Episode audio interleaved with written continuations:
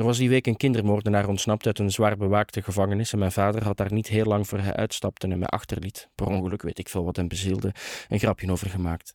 Hij had er iets over gehoord op de radio, herinner ik mij nu. Zijn opmerking was niet eens specifiek tot mij gericht. Dat moment, dat bos, dat busje, het donker om mij heen, de wind die tegen de ruiten sloeg, het was jarenlang het engste moment van mijn leven. Nu niet meer. Nu weet ik dat die kindermoordenaar vergeleken met de kwelgeest in mijn eigen kop verbleekt tot een harig monster uit een kinderboek. En al die tijd wist ik dat ik het niet zou kunnen stoppen, dat deze woekering van levensvijandige stemmen in mijn geest van mij zou winnen. Uiteindelijk overwoog ik zelf zelfmoord te plegen, zodat ik daar tenminste niet meer over hoefde na te denken. Vanaf dat moment wist ik dat het gedaan was. Het moet een uur of zeven ochtends zijn geweest, vlak na een nacht waarin ik urenlang had gevochten tegen mijn onvermogen te slapen en precies daardoor niet in slaap viel. Robin Williams maakte op dat moment een manische periode door en liep de hele nacht rondjes om zijn eigen middelpunt, botste daarbij om de zoveel tijd met zijn stomme kop tegen precies hetzelfde puntje op het raam en zeeg elk half uur compleet uitgeput neer om nog geen vijf minuten later weer op te veren. Ik had nog één kans. Daarna zou ik verliezen van mezelf. Daarna was het klaar. Het duurde niet heel lang voor ik mij realiseerde dat de productlancering bij Balance Incorporated mijn enige kans vormde opnieuw aansluiting te vinden bij mijn dochter. De afgelopen weken had ik op Facebook gezien waar en wanneer het evenement zou plaatsvinden. Een uitnodiging te pakken krijgen was schier ondenkbaar, maar ik ging er ook vanuit dat Samantha nog Alexander die dag veel commotie konden gebruiken. Zolang ik er maar voor zorgde dat ik er gezond, uitgeslapen en gewassen uitzag, zouden ze me niet weg durven te sturen en had ik een kleine kans, mits ik mij die dag normaal gedroeg en niet voor strubbelingen zorgde, om mijn voormalige gezin, de enige drie mensen op wie ik mij in dit universum nog kon verlaten, te laten zien dat ik er ook voor hen kon zijn, dat ik in staat was om zo'n belangrijke dag niet over mij te laten gaan. Kortom, dat ik mij voor een keer niet zou gedragen als een potsierlijke parasiet. Ik wist dat ik nu vooral niet met mezelf bezig moest zijn, maar met hen. Met hun succes, met hun verwezenlijkingen, met hun grote stap in de richting van een toekomst waar ik heel misschien, als ik geluk had, weer een deel van kon zijn. Ik controleerde mijn banksaldo op mijn telefoon en zag dat ik nog iets minder dan 360 dollar had staan. Voor de komende dagen zou dat genoeg zijn voor voedsel, water en een metroticket naar het Potomski Theater. Alles daarna was een horizon waar ik niet achter kon kijken, al mijn angsten en onzekerheden waren nu helder afgebakend binnen het overzichtelijke tijdsbestek van een paar dagen.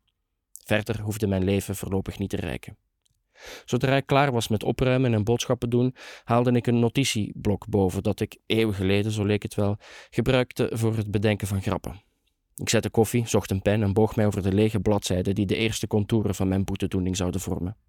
Het lukte mij niet meteen om te schrijven, dus ik begon maar met het maken van een simpel lijstje van de dingen waarvoor ik mij wilde verontschuldigen.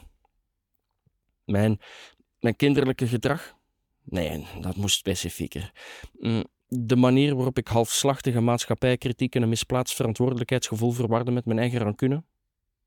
Vond ik te moeilijk, want diep van binnen was ik het nog steeds eens met de meeste dingen die ik mijn ex verweet. Mijn alcoholisme dan, mijn verslaving aan, aan, drama en mijn onwil om mij te gedragen zoals de mensen met wie zij wel wilden optrekken. Nee, dat klonk ook kinderachtig, bijna alsof ik hen op die manier wilde verwijten dat ze zo over mij zouden denken. Ik legde mijn pen neer, dronk in één teug mijn kop koffie leeg en overwoog om alsnog naar buiten te gaan en mijn laatste 360 dollar te spenderen aan drank. De koude en beklemmende angst dat het nog lang niet zo makkelijk zou worden om toenadering te zoeken tot de drie mensen die ik zo lang van mij had afgeduwd, trok langzaam, als door de injectie van een giftige stof, door mijn lijf. Aan het eind van die dag, nadat ik 87 keer opnieuw was begonnen en tot twee maand toen naar buiten was gegaan om nieuw papier te kopen, had ik drie brieven geschreven waarmee ik tegelijkertijd op mijn knieën ging, maar toch min of meer mijn waardigheid bewaarde. Het was nog één dag tot de productlancering. Morgen zou ik met deze drie brieven aan Amy, Alexander en Samantha laten zien dat ik net als zij een normaal iemand kon zijn.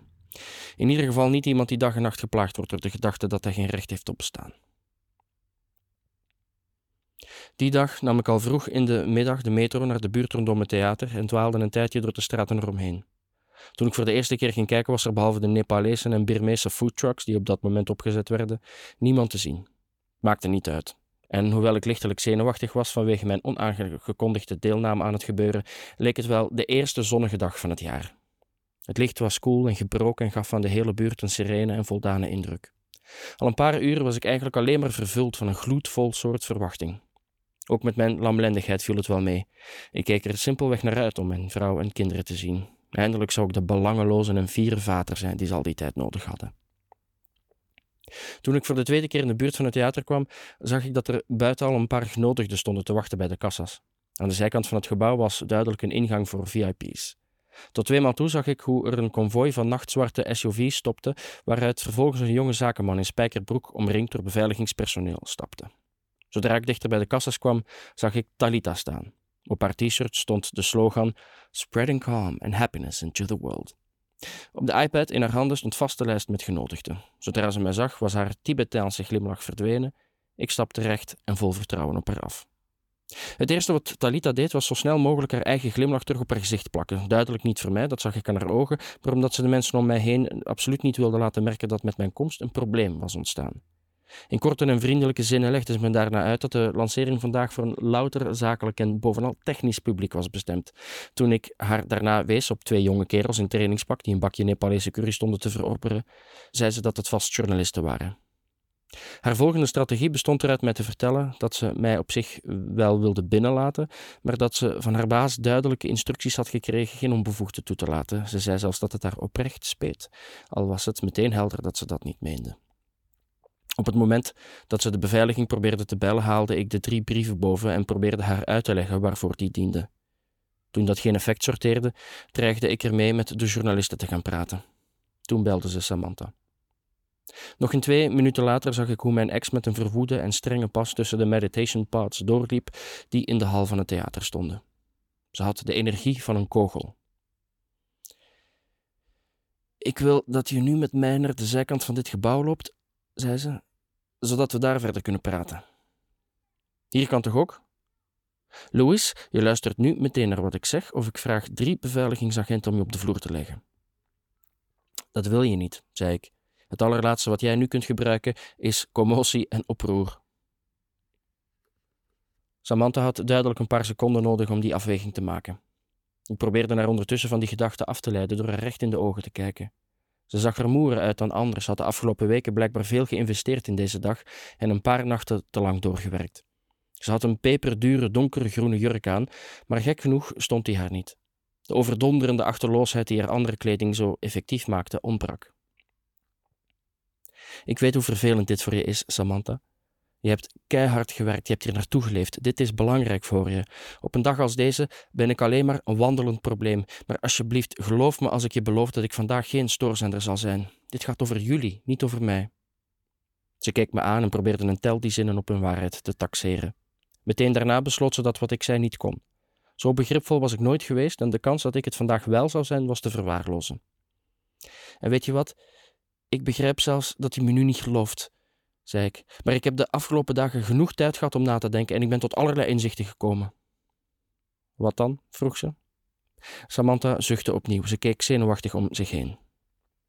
Ik, ik, uh, om te beginnen, weet je, deze strijd tussen ons bijvoorbeeld. Hè? Ik wil hem opgeven. Ik ben al jaren jaloers op je en ik kan al jaren niet verkroppen dat je bij me weg bent.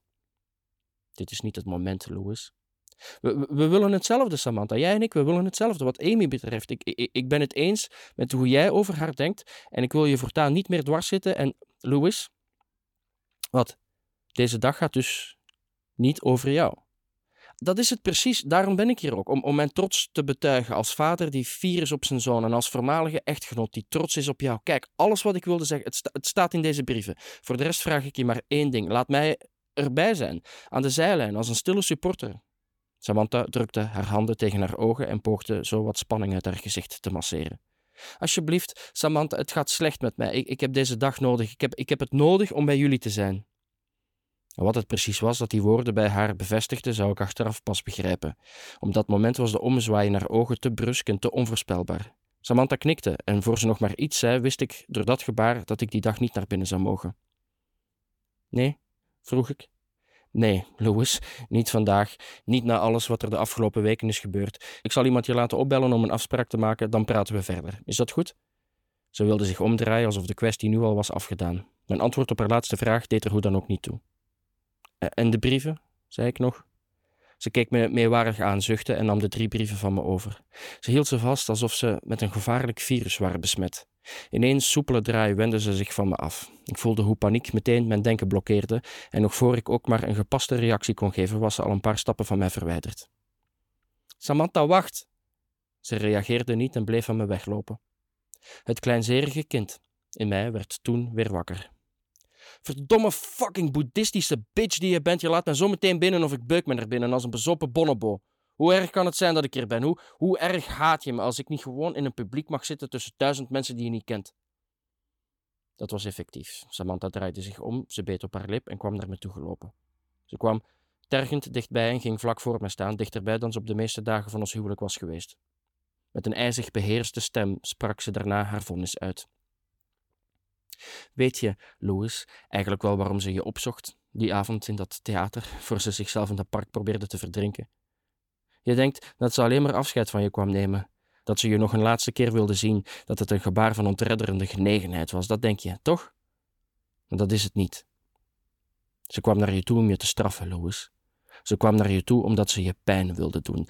Ze wilde jou voor de rest van je leven opzadelen met een spijt en een machteloosheid die je helemaal kapot zouden maken. Ze wilde dat je voor de rest van je dagen duizend keer per dag zou denken: fuck, ik heb haar niet gered. Fuck, ik was er niet. Fuck, ik heb haar tussen mijn vingers door laten glippen. Maar weet je wat? Ik denk dat ze er gelijk in had. Ik begrijp verdomd goed waarom ze jou met die straf wilde opzadelen. Ik heb zelf fouten gemaakt, dat weet ik, Alexander ook. Maar in tegenstelling tot wat jij denkt, zijn wij lang niet het ergste wat Amy in haar leven is overkomen. Dat ben jij, namelijk. Die zwarte plek op haar ziel, Louis, het midden van de cirkel waar ze het de godganse tijd over heeft, dat ben jij. Snap je dat dan niet? Wil je nu alsjeblieft weggaan? Koop een fles whisky, zuip jezelf te pletter en als je me nu wilt excuseren, ik heb verdomme werk te doen. De eerstvolgende drankwinkel die ik tegenkwam werd uitgebaat door een woeste beer van een vent die er totaal niet op bedacht was dat ik al mijn woede en paniek als een giftige bal op zijn toog zou leggen. Nog terwijl ik de twee flessen gin afrekende, die ik binnen het uur zou proberen leeg te drinken, zei ik in razende zinnen vol versprekingen, dat mijn lijf overvol zat met wanhoop en haat, dat ik niet meer kon stoppen, dat ik niet meer kon, dat ik maar door en door en door raasde, terwijl ik uiteindelijk gewoon wilde wat mijn vrouw en mijn kinderen wilden, en dat niets mij ooit was gelukt, terwijl ik zo verdomme mijn best deed en heel mijn fucking leven niks anders had gedaan dan mijn best. Al die tijden dacht ik dat het lot in mijn eigen handen lag, dat mijn persoonlijkheid een soort Ikea-kast was die ik in elkaar moest zetten, iets wat ik moest maken, iets dat het moest maken, en dat ik het verdomme geprobeerd heb om er het beste van te maken, om iemand te zijn. Ik wilde alleen maar iemand zijn, iemand die lief had en werd geliefd, iemand die het verdiende om te bestaan. Dat zei ik tegen die autoverkoper met zijn stoppelbaard en opgezollen gezicht. Ik wilde het beste uit mezelf halen, want dat ging niet, want ik was wie ik was. Ik zei de verkoper ook dat hij mij maar voor mijn kop moest schieten. Hij zou vast wel een wapen achter zijn toonbank hebben liggen voor overvallen. Hij keek mij verveeld aan en zei dat hij het begreep. Het ergste wat je in deze tijd kunt doen, zei hij, is proberen na te komen wat deze tijd van je wil. Verder zei hij mij ook nog dat, dat ik een kleinzerig en slecht opgevoed kind was, dat mijn eigen ongeluk niet kon verdragen. Toen hij opgroeide, in dagenstam zo bleek, liet zijn vader hem vechten met een beer en op zijn veertiende was hij naar een kolenmijn gestuurd. Ik betaalde, liep naar buiten en kwam er honderd meter later achter dat ik het wisselgeld was vergeten kon me niet meer schelen. Van de eerste fles had ik op dat moment al een slok of tien naar binnen gegoten en alles wat pijn deed aan mijn lijf en mijn ziel werd langzaam bedekt met een deken van gif. Het volgende half uur liep ik richtingloos en onverstaanbaar brabbelend door de straten van Brooklyn als een bedelaar die in geen jaren een zinvol gesprek had gehad. Halverwege die eerste fles installeerde ik mij op de stoeprand voor een winkel waarin alleen maar hondenbrokken werden verkocht en kwam ik op adem. In een kantoorgebouw uit de jaren 90 zag ik een tiental cyborgs voorovergebogen zitten achter een computer. Het beeld hield de beloften in van een wereld waarin wij onszelf en ons leven vormgeven met en als computers. Ooit zou er een dag komen waarin problemen in onze ziel zouden worden verholpen als bugs in een besturingssysteem. We zouden onszelf kunnen bijsleutelen en upgraden. Onbehulpzame gevoelens zouden we dan kunnen formateren of simpelweg wissen. In zekere zin was de mens een onvolkomen biologische soort op weg naar iets hogers en abstracters. Een wezen dat zich zou voortbewegen met de snelheid van het licht en niet ten onder zou gaan aan de zwarte plekken in zijn eigen ziel. Bij die laatste woorden in mijn hoofd zette ik de fles gin opnieuw aan mijn mond en dacht ik aan Anthony J. Williams. Ik sloot mijn ogen en kon de man als een fantoom door de metrotunnels van mijn geest zien waren. Het volgende moment dat ik Amy zag, als dat ooit nog zou gebeuren, moest ik haar een keer vragen of die man wel echt had bestaan Of hij geen figuur was, die was ontsproten aan een wanhopige waan. In zekere zin was hij de gek die mij in al deze ellende had gestort. Zonder zijn raadgevingen zou ik nooit als een mislukte messias op zoek zijn gegaan naar de ware oorsprong van mijn dochters ellende. Op driekwart van die eerste fles gin werd ik overmand door een zure, kolkende woede jegens die walmende bedelaar en al illusies die hij mij had aangepraat. Ik moest opstaan, dacht ik, naar hem op zoek gaan, hem op de grond duwen en zo hard op zijn gezicht slaan tot er niks meer van mijn knokkels overbleef. Maar dat opstaan lukte niet en ik gleed opnieuw weg in mezelf en ik realiseerde me tegelijkertijd dat Anthony alleen maar de rol had die hij had, omdat ik hem die gaf. Ik dacht terug aan de laatste woorden van Samantha, aan de beschuldigingen van mijn zoon, de blindheid die mijn dochter mij verweet, en plots zag ik mezelf opnieuw onderuitgezakt bij de deur van haar slaapkamer zitten, luisterend naar haar onbereikbare gehuil. En ik strompelde opnieuw langs de ontbijttafel waaraan mijn dochter ochtend na ochtend zwijgend in haar kom staarde. Ik had iets fout gedaan. Ik was de grote schuldige. En ik was de enige die het goed kon maken. Verdwijnen had geen zin, besefte ik plots.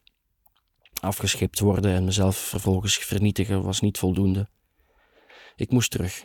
Niet om mezelf louter te verontschuldigen, maar om de omvang van mijn schuld volledig onder ogen te zien.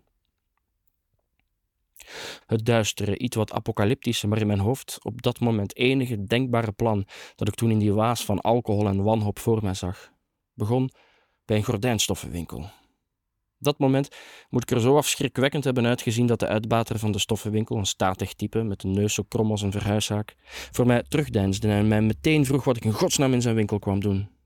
Ik legde 100 dollar op tafel en zei hem dat ik op zoek was naar een stuk stof van 4 à 5 meter voor een theatrale performance. De man weifelde, schoof de bankbiljetten terug in mijn richting en wachtte tot ik het pand zou verlaten. Pas toen ik met mijn tweede fles op een berg tapijten ging zitten en twee witte katten zag wegvluchten, besefte hij dat mij helpen de snelste manier was om mij nooit meer te moeten zien. Hij nam mij mee naar een souterrain en haalde een meter of drie gordijnstof van een rol die hij haastig doorknipte. Op het pleintje voor het theater leerde ik dat de presentatie en de onthulling van wat het ook was dat Alexander en Samantha aan de wereld wilden verkopen in volle gang was. De Nepalese en Birmeese jongens en meisjes die een culinaire cultuur daarnet aan het publiek hadden verkocht, stonden in te pakken en hadden nauwelijks oog voor wat ik de komende minuten van plan was.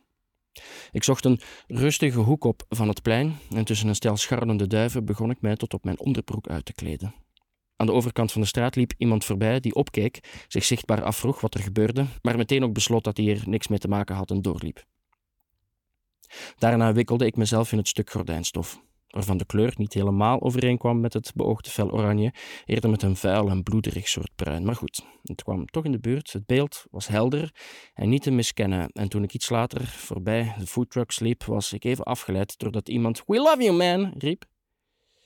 Bij de deur was Talita met haar iPad natuurlijk al lang verdwenen. En op het eerste gezicht stonden er ook geen andere bewakers, behalve een vrouw bij de ontvangstbalie die vocht tegen haar slaap, was er eigenlijk niemand. Pas bij de trap die naar de parterre leidde, werd ik voor het eerst tegengehouden door twee jonge vrouwen die hier waarschijnlijk werkten om studies te betalen en die getooid waren in strakke zwarte outfits met walkie-talkies. Waren ze snel genoeg geweest, dan hadden ze me allicht kunnen tegenhouden, maar waarschijnlijk zag ik er door mijn outfit zo verwarrend uit dat ze die tijd nodig hadden om het beeld dat ik opriep te verwerken. Ik holde ze dus meteen voorbij en toen ze in hun walkie-talkies alarm sloegen, liep ik al minstens tien meter op ze voor. Halverwege die trap zakte mijn tenue af, was ik voor een paar tellen half naakt en vanaf dat moment hield ik cruciale delen van het stuk stof zelf vast met mijn handen. De supposten die op mij afkwamen gelopen, opnieuw twee studenten in het zwart, dit keer een jongen en een meisje, waren dwingender in hun poging om mij tegen te houden. Maar waarmee zij dan weer geen rekening hadden gehouden, was de overweldigende, virulente, allesvernietigende woede die zich de afgelopen uren in mijn lijf had opgebouwd. En op dat ene moment waarop die jongen mijn pols probeerde vast te pakken en aanstalten maakte mij weer naar buiten te duwen, kwam die woede helemaal los in al zijn kracht en glorie. Ik duwde de suppost een paar meter achteruit, waardoor hij viel en tegelijkertijd in mijn gordijnstof verwikkeld raakte. Zodra ik weer recht stond, pakte ik mijn tweede fles gin van de grond, die ook was gevallen, en deed ik de zware, geluidsdichte deur naar het theater langzaam open. In de hoop dat mijn intrede er niet meteen toe zou leiden dat de hele presentatie stilviel, en op het eerste gezicht leek dat te lukken. Hoewel een paar mensen in het publiek omkeken, stelde ik mij gedijst op om te voorkomen dat ik Alexander zou opvallen. Mijn zoon stond op het podium en wees op een gigantisch PowerPoint-scherm allerhande grafieken en diagrammen aan van hersenskans. Voor ik hierheen kwam, had ik verwacht dat hij een verhaal zou vertellen over invloed, rijkwijde, impact, groei, geld en rendement. Maar Alexander zat halverwege een persoonlijk aandoend, maar waarschijnlijk volslagen verzonnen verhaal dat hij allicht bij een reclamebureau had besteld. Wat, wat ik van meditatie geleerd heb, zei hij, is de noodzaak van verbondenheid. Gek toch? Want hoe kun je van een van de meest individualistische activiteiten denkbaar zeggen dat het iets met verbondenheid te maken heeft? Wel, zoals ik net zei, kom ik uit een gezin, maar ook uit een samenleving waarin we het steeds moeilijker vinden om elkaar te zien en te begrijpen. Juist wanneer we bij anderen in de buurt zijn, worden we gehinderd door een filter van gedachten en gevoelens, waardoor iemand die vlak voor je staat soms onbereikbaar ver weg lijkt. In zekere zin gaan we daar allemaal onder gebukt. Hoe geconnecteerd onze samenleving, hoe geconnecteerd onze samenleving vandaag de dag ook is, om een of andere reden lijden we allemaal aan een fundamenteel probleem met verbinding. Door langdurig en vaak te mediteren ben ik in mezelf op zoek gegaan naar de mechanismen, gevoelens en gedachten die in ieder geval mijn verbinding met anderen in de weg stonden. Of die blokkades daarmee zijn opgeheven, dat weet ik niet. Wat ik wel kan zeggen, is dat ik een plek heb ontdekt in mezelf, een gloedvolle leegte, zeg maar, waarin ik niet langer ik hoef te zijn, waar mijn pijn, maar ook mijn plezier niet langer het centrum van het universum zijn, waar mijn verlangens en wrok niet langer de essentie van mijn leven uitmaken. Een gloedvolle leegte, een ruimte van aandacht, een kalme, grenzeloze plek waarin er volop plaats is voor de ander, voor de ongrijpbaarheid van het leven en misschien zelfs voor geluk. En omdat ik geloof in die ademruimte, zo je wil, heb ik samen met mijn moeder dit bedrijf opgericht. Omdat ik wat ik heb geleerd wilde delen met zoveel mogelijk mensen, maar ook omdat ik geloof dat het soort kalme geluk waar ik het over heb niet onbereikbaar hoeft te zijn. De afgelopen jaren heeft mijn moeder bergen werk verzet en onaflatend onderzoek verricht naar technieken om meditatie makkelijker te maken. Simpeler en nog doeltreffender. Mijn moeder en ik geloven dat de vele online memberships levens hebben veranderd en dat zullen blijven doen. Maar we geloven ook dat we nog verder kunnen gaan, nog veel verder. Voor Alexander die zin afmaakte, veranderde het licht en zool de elektronische muziek die al vaag onder zijn hele speech weer klonk, aan tot bombastische proporties. Terwijl die muziek een filmische climax bereikte, viel een bundel wit licht op een zwarte zuil in het midden van het podium. Op die zuil was tot nog toe een zwarte glazen kubus te zien, maar binnen een fractie van een tel werd die doorzichtig en vergaapte de hele zaal zich aan een ongrijpbaar technologisch wonder dat nu ook in meervoud en draaiend om verschillende assen op de projectieschermen te zien was. Het duurde even voor ik begreep wat het futuristische toestel precies was en waarvoor het zou kunnen dienen. Op het eerste gezicht zag het ding eruit als een metalen halve maan. Pas toen Alexander het op zijn hoofd zette, zag ik er de vorm van een hoogtechnologische haarband in. Door allerhande animaties op de schermen achter hem werd duidelijk dat het ding gemaakt was om rechtstreeks de hersenactiviteit van de drager te beïnvloeden. Het was een geweldige uitvinding. Zelfs nog voor Alexander zijn mond weer opendeed en het device een naam kreeg, was ik in mijn tomelos dronken manie helemaal verkocht. De naam van het apparaat was lachwekkend en geweldig tegelijk. Er was ook een bijbehorende slogan: Ohm Plus Enhanced Spirituality. Het ding had drie standen. In de eerste kon je de resultaten van je meditatiesessies bijhouden en opslaan in een online dagboek, dat je natuurlijk ook op sociale media met je vrienden kon delen. Maar goed, die functie bestond in primaire vorm ook al in de app. In de tweede werden je hersengolven geïnterpreteerd en kreeg je, in de stem van Samantha natuurlijk, extra tips en oefeningen om je geest nog dieper tot rust te brengen. De derde was de stand die ik het liefst aan de lopende band zou gebruiken. Automated Meditation. Je zette dat ding op je kop, je duwde op een knopje via de bijbehorende app, want het design was natuurlijk zo slik en simpel mogelijk gehouden, en je hersenen werden gestimuleerd met onhoorbaar geluid op frequenties die je gedachten tot rust moesten brengen. Ik snapte aanvankelijk totaal niet waarom mijn zoon en ex uh, die eerste twee standen überhaupt op dat ding hadden laten installeren. Dit was het moment. Dit was het moment voor mijn lachwekkende theatrale interventie. Ik moest nu naar dat podium, niet eerder, niet later. Dit was wat ik van plan was. Ik zou dat ding op mijn kop zetten en de show geven die mij maanden geleden beloofd was. Het was tijd om de wereld, mezelf en mijn dochter te redden van die kapitalistische en nihilistische onzin. Van het mensensoort dat denkt dat wij minder moeten denken, dat wij, de gekken en opstandigen, ons simpelweg koest moesten houden. Nee, ik had er godverdomme genoeg van. Ons tijdsgevricht heeft geen geoptimaliseerde ikken nodig, geen geestelijke trainingsmethode, geen apparaatjes die je hersenen fixen. Onze tijd heeft theater nodig. Actie, drama, woede, lawaai, destructie. Een paar uur eerder was ik gekomen om als een trotse, welwillende vader mijn diepe spijt te betuigen aan mijn kinderen. In de tussentijd was ik zo dwaas en draconisch dronken geworden dat ik als een boeddhistische antichrist alles om me heen zou vernietigen, om daarna in het puin van mijn dadendrang nieuwe horizonten open te breken. Ik slaakte een gil en rende in de richting van het podium.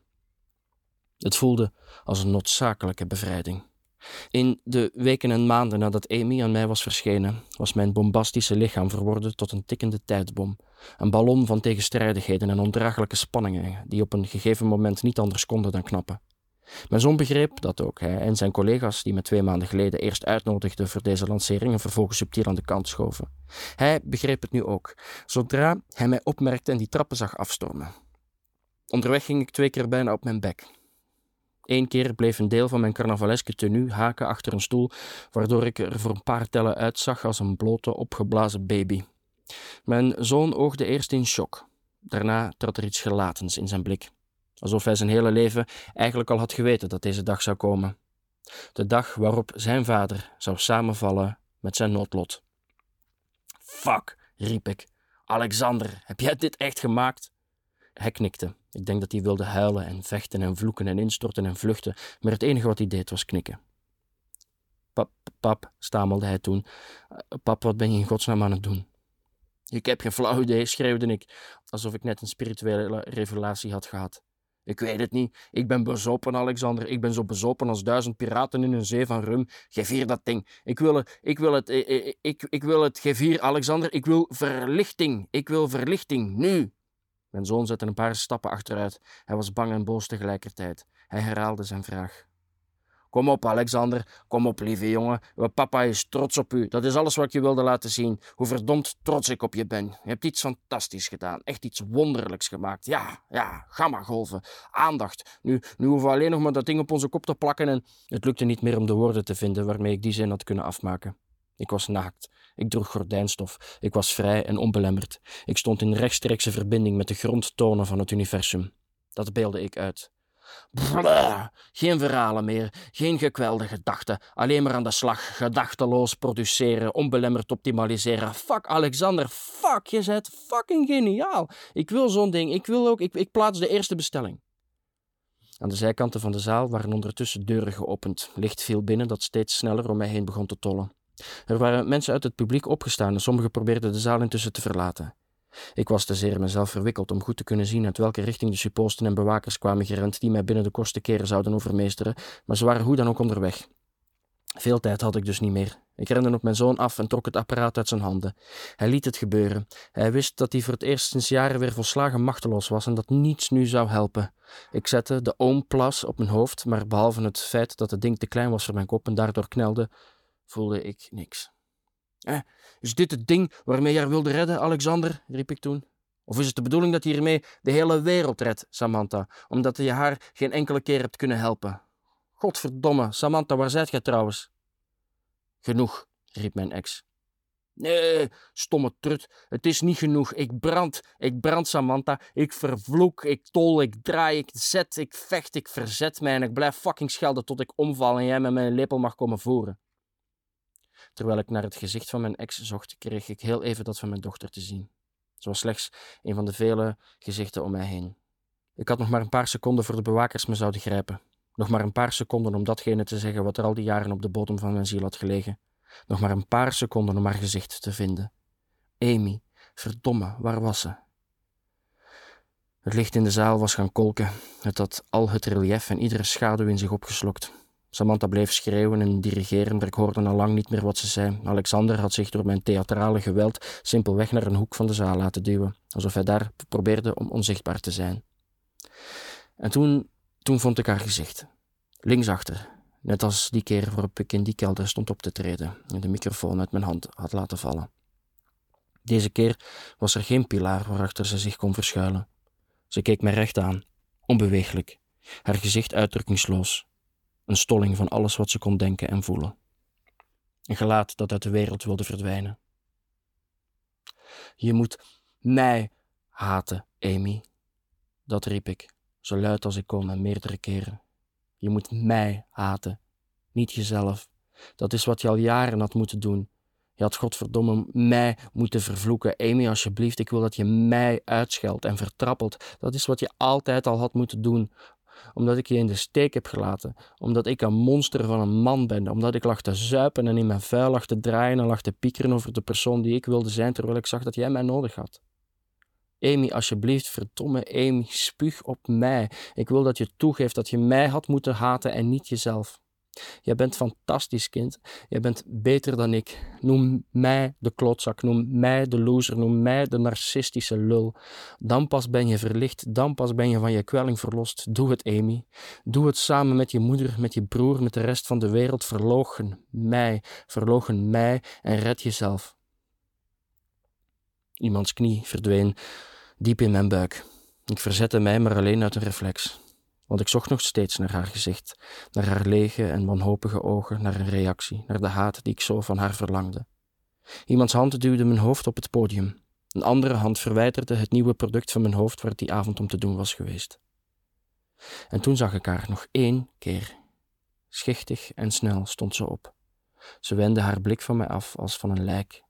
Ze wrong zich tussen lijven door. Ze vluchtte, ze verdween. Van de ene op de andere tel hield mijn waanzin op en was ik weer nuchter. Van de ene op de andere tel begreep ik hoe afschuwelijk het was wat ik net had gedaan.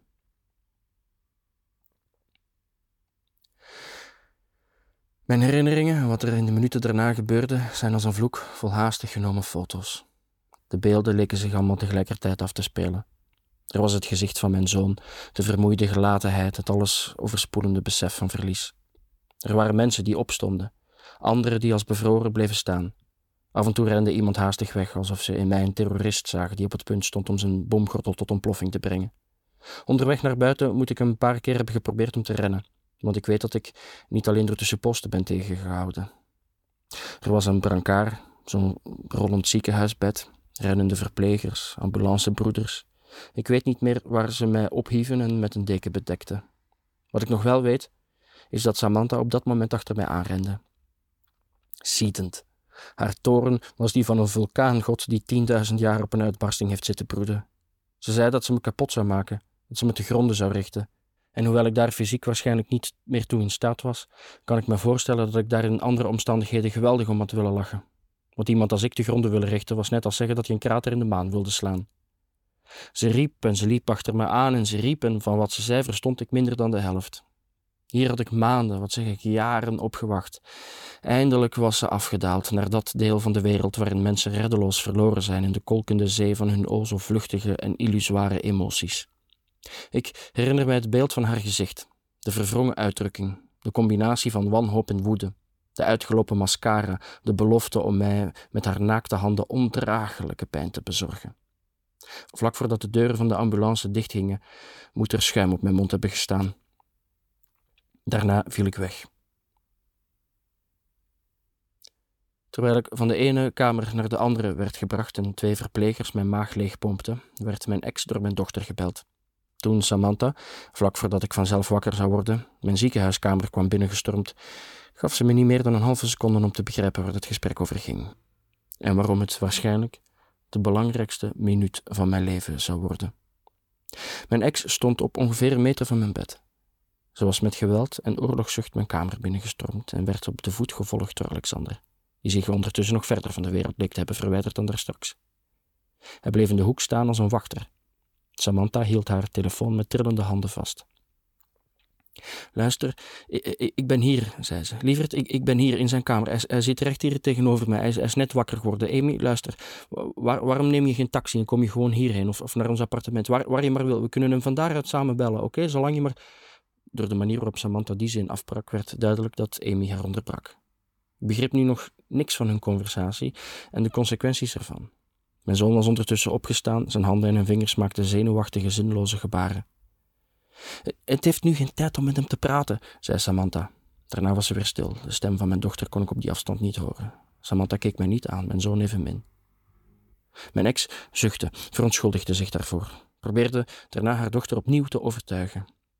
Hij is, hij is gek, Amy. Je hebt gezien wat hij deed. Hij is nog lang niet bij zinnen. Ik, ik, ik denk dat hij niet eens in staat is om te praten. Alsjeblieft, liever, dit hoeft niet nu. Is er iemand bij je in de buurt? Is dat, ben je alleen? Vraag om hulp. Waar je ook maar bent, we kunnen er binnen vijf minuten opnieuw dezelfde soort zucht. Daarna bedekte mijn ex de telefoon met haar hand en probeerde ze een halve seconde lang een oplossing te bedenken voor een situatie die hoorbaar uitzichtloos was. En toen, terwijl ik probeerde hem rechtop te gaan zitten, daarbij overweldigd door kotsneigingen en lichamelijke zwakte, gaf ze me haar gsm. Ik probeerde hem zo snel mogelijk naar mijn rechteroor te brengen, maar het leek alsof de lucht op dat moment was veranderd in een vaste substantie die iedere beweging belemmerde. Het duurde lang voor ik iets hoorde wat betekenis had. Het was haar ademhaling, schichtig, oppervlakkig. Amy? Je had gelijk, pap. Eh, Amy, wat? Daar straks. Wat je zei, Louis, je had gelijk. Amy, Amy, waar ben je? Maakt niet uit. Lief, je moeder, oké, maakt niet. Waar ben je? Wacht, volgens mij, we kunnen niemand sturen. We, gaan niemand sturen, oké? Wie wil je zien nu? Van, van, van wie zou je nu willen dat hij je komt halen? Wat je zei op dat podium, Louis, je had gelijk. Ik realiseer me nu dat het daaraan ligt. Wat je zei op het einde. Dat is de essentie.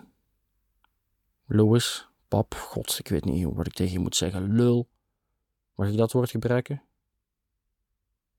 Amy, verdomme, alsjeblieft, waar ben je? Zeg me nu waar je bent, dan kom ik je halen. Ik heb je brief ondertussen gelezen.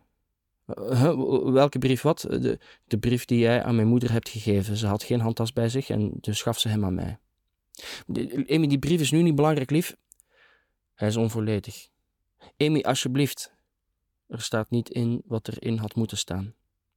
E, Amy, alles wat, zeg maar, het spijt mij verschrikkelijk. Wat, het ook is, wat het ook is dat ik heb gedaan, als ik de rest van mijn leven nodig heb om het goed te maken, om te boeten, zelfs, het, kan mij niet schelen, Amy, werkelijk iedere minuut van mijn tijd besteed ik eraan. Ik maak mezelf kapot om jou te kunnen redden. Gek. Wat is gek, Amy? Dat is precies wat ik jaren heb gedaan. Ik hoorde in de telefoon het voorbijrazen van auto's. Het klonk alsof het elke willekeurige straat in New York kon zijn. Er klonk kraak, wind en nog steeds de schichtigheid waarmee ze ademhaalde. Hoe beter ik luisterde, hoe oorverdovender de stilte tussen haar woorden werd en hoe minder ik eruit kon afleiden. Alsjeblieft, lief Amy, alsjeblieft vertel me waar je bent. Ik maak mezelf van kant als je, als je me nu niet binnen een paar seconden vertelt. Ah, je weet dat je me met pathos niet zult overtuigen, pap. Waar, waar ben je, Amy, waar ben je? Dat maakt nu niet uit. Ben, ben je ergens op, bovenop een gebouw in de metro? Amy, waar ben je? Nee. Uh, een brug, een brug dan. Ben je op een brug? Het bleef stil. Ben je op een brug, Amy? Wat maakt het uit? Alle, alles, alles, wel, wel, welke brug? Waar, waar is die brug? Waar is die brug? Nou ja, die ene brug die boven een vloer van water hangt. Nu goed. Ben je nu gerustgesteld? Ik hang boven een ravijn en ik kijk mijn eigen fucking nietigheid in de ogen, omdat het verdomme de enige manier is in deze walgelijke wereld waarop ik iets voel wat ook maar in de verste verte op kalmte lijkt. Ik heb alles gedaan wat ik kon, pap. Ik ben teruggekomen. Ik ben in je onder ogen gekomen. Ik heb gewacht en gewacht op een moment waarop je voor even, al was maar één fucking seconde, zou begrijpen wat er aan de hand is. Ik heb geworsteld, gevochten en gespart en, ik dacht dat ik het leven nooit zou ontrafelen, maar dat ik het misschien op een andere manier, maar dat ik het misschien op een of andere manier tenminste kon vertragen. En toen kwam jij. Zoals altijd dook jij weer op en zoals iedere vorige keer heb jij ook die laatste halm kalmte van mij afgepakt, Louis. Amy, hou op met mijn fucking naam te zeggen, lul. Ik haat het feit dat jij degene bent die mij een naam heeft gegeven. Amy, je hebt gelijk. Je hebt gelijk. Je, hebt, het maakt niet uit of ik gelijk heb of niet, klotzak. Dit gaat niet over gelijk hebben. Het gaat over, weet ik veel waar het over Het gaat in ieder geval niet over iets wat wij beiden, jij of ik, de afgelopen maanden hebben gezegd. Je was er niet. Je was er niet op dat ene fucking moment dat je er had moeten zijn. Ik heb tien jaar lang geprobeerd om het in de handen van de hele wereld te leggen. Het nihilisme van mijn moeder, De zelfvoldaanheid van mijn broer, de ziekmakende zucht naar succes die overal en in iedereen woekert als een kankergezwel. God, Lewis, wat heb ik het narcisme van deze tijd al duizend keer vervloekt. De bewijsdrang, het egoïsme, de alles kapotmakende verslaving aan oppervlakkig genot die wij allemaal hebben. Ik heb tien jaar lang gezocht in mijn kop en in vijfduizend boeken naar wat er mis is en al die jaren heb ik het gewoon niet gezien. Al die jaren begreep ik niet dat jij het was, Louis. Jij was de narcist. Jij was de individualist. Jij was degene die alleen maar iets wilde presteren. Jij dacht alleen aan jezelf. Jij was de verslaafde. Jij, Louis, jij was de maatschappij die ik haatte. Je had gelijk. Ik haatte mezelf en alles om mij heen, omdat ik er nooit aan toe ben gekomen om jou te haten. Ieder woord in die tirade leek het volgende meer kracht te geven en op te jagen. Ik was bang dat de energie van haar woede haar zo ver van zichzelf zou weghalen dat de beslissing die ze al sinds die nacht in die ijskoude vijver probeerde te maken, als vanzelf zou vallen. Per ongeluk bijna. Amy, Amy. Ze reageerde niet meer. Haar ademhaling was eveneens weggevallen. Ik herhaalde haar naam. Trok mezelf opnieuw verder overeind, alsof ik daardoor beter kon horen. Toen ik haar uiteindelijk opnieuw hoorde spreken, was de opluchting die door mijn lijf ging bijna misselijkmakend. Ik heb het je verteld, Louis. Uh, wat, wat, wat, Amy, wat, wat heb je me verteld? Verdomme. Wat, wat waar, waar, heb je, waar heb je het over? Ik heb het je verteld. Ik ben teruggekomen om het je te vertellen. En je hoorde het niet, Louis. Je hebt het nooit gehoord. Was aan het schrijven. Je deed alsof je aan het schrijven was. Je had je zoals altijd opgesloten in die kamer van je. Die kamer waarin je beroemd probeerde te worden en alleen maar dronken werd. Het was nog vroeg. Ik had gewacht tot die ochtend. Ik had je in de keuken gezien. Je was nog bij zinnen, minder humeurig dan anders. En toen heb ik het je gezegd. Ik kwam binnen en je keek weg en toch heb ik je alles verteld. Oké, okay, wacht. Uh, nee, pap. Ik wacht niet meer. Dit is waarover het gaat. Deze onderbrekingen. Deze verdomde angst van jou om te horen wat ik zeg. Je moet gewoon even je mond houden, Louis. Als ik je dit soort dingen vertel. Net zoals je toen je mond had moeten houden toen ik je zei wat hij had gedaan. Ik keek me verdomme aan, Louis, alsof ik je lastig viel, alsof ik je stoorde tijdens je o zo belangrijke, alles overheersende gevecht tegen je eigen falen. Ik heb het je gezegd. Louis, en je hoorde me en je vond me lastig en vervelend en irritant en je zei dat het mijn schuld was. Ja, dat is wat je zei, Louis. Dat ik hem maar niet had moeten treiteren met mijn hooghartige gedrag. Ik was de bitch, niet hij. Ik was het kutwijf dat zich als een verslaafde vastklampte aan bedweterige boeken, omdat er in ons huis verdomme niks anders was. Ik had het gedaan, dat zei je, Louis. Ik had thuis moeten blijven. Ik moest hem verdomme beter behandelen. En door dat te zeggen, heb je mij ziek gemaakt. Door dat te zeggen, heb jij alles van me afgepakt. E oh, Amy? Nee. Nee, Loes, ik wil niet meer dat je mijn naam zegt. Ik wil niet meer dat je op me in probeert te praten. Ik wil dat je dit hoort. Dat is het enige wat ik wil. Oké, alsjeblieft, Amy, ik, ik, begrijp, ik, ik, ik begrijp wat je zegt. Ik hoor je. Het, toen misschien niet, maar ik hoor je nu. We, moeten blijven praten. precies hierover. Zolang we blijven praten, dan komt het goed. Waar ben je, Amy? Wil je alsjeblieft, alsjeblieft zeggen waar je bent?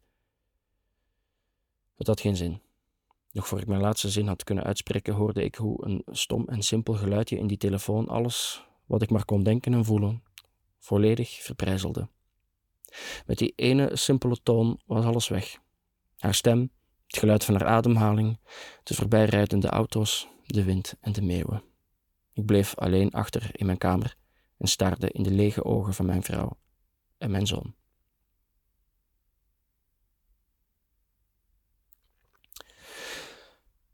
In de dagen en weken daarna heb ik mijn zoon verschillende keren om geld moeten vragen. Meestal sprak ik een voicemailbericht in en werd er in de loop van de dag aangebeld door een jonge man of vrouw, telkens iemand anders, mogelijk iemand van het bedrijf dat die leidde, voor wie ik een envelop met stevast briefjes van 50 en wat folders van een verslavingskliniek in mijn handen geduwd kreeg. Drie weken nadat ik in het ziekenhuis was beland, lag er een uitzettingsbevel op de mat en wist ik dat ik niet anders zou kunnen dan ingaan op een van de impliciete uitnodigingen om mij te laten opnemen. Ik sprak opnieuw een voicemailbericht in en die middag werd ik teruggebeld door een secretaresse van een verslavingskliniek in New Jersey. Ik ging erheen met een Uber die op de dag van mijn opname als vanzelf voor de deur stond. Ik stelde geen vragen en stapte in, samen met de weinige spullen die ik nodig dacht te hebben, en liet mij vervoeren naar de enige kans die ik nog had. Vandaag, ja, op de dag dat ik deze aantekeningen maak in een schoolschriftje van Disney. Vandaag is de dag dat ik in die verslavingskliniek voor het eerst mijn balans moet presenteren. Het is maar een van de tientallen opdrachten die we de afgelopen weken moesten doen.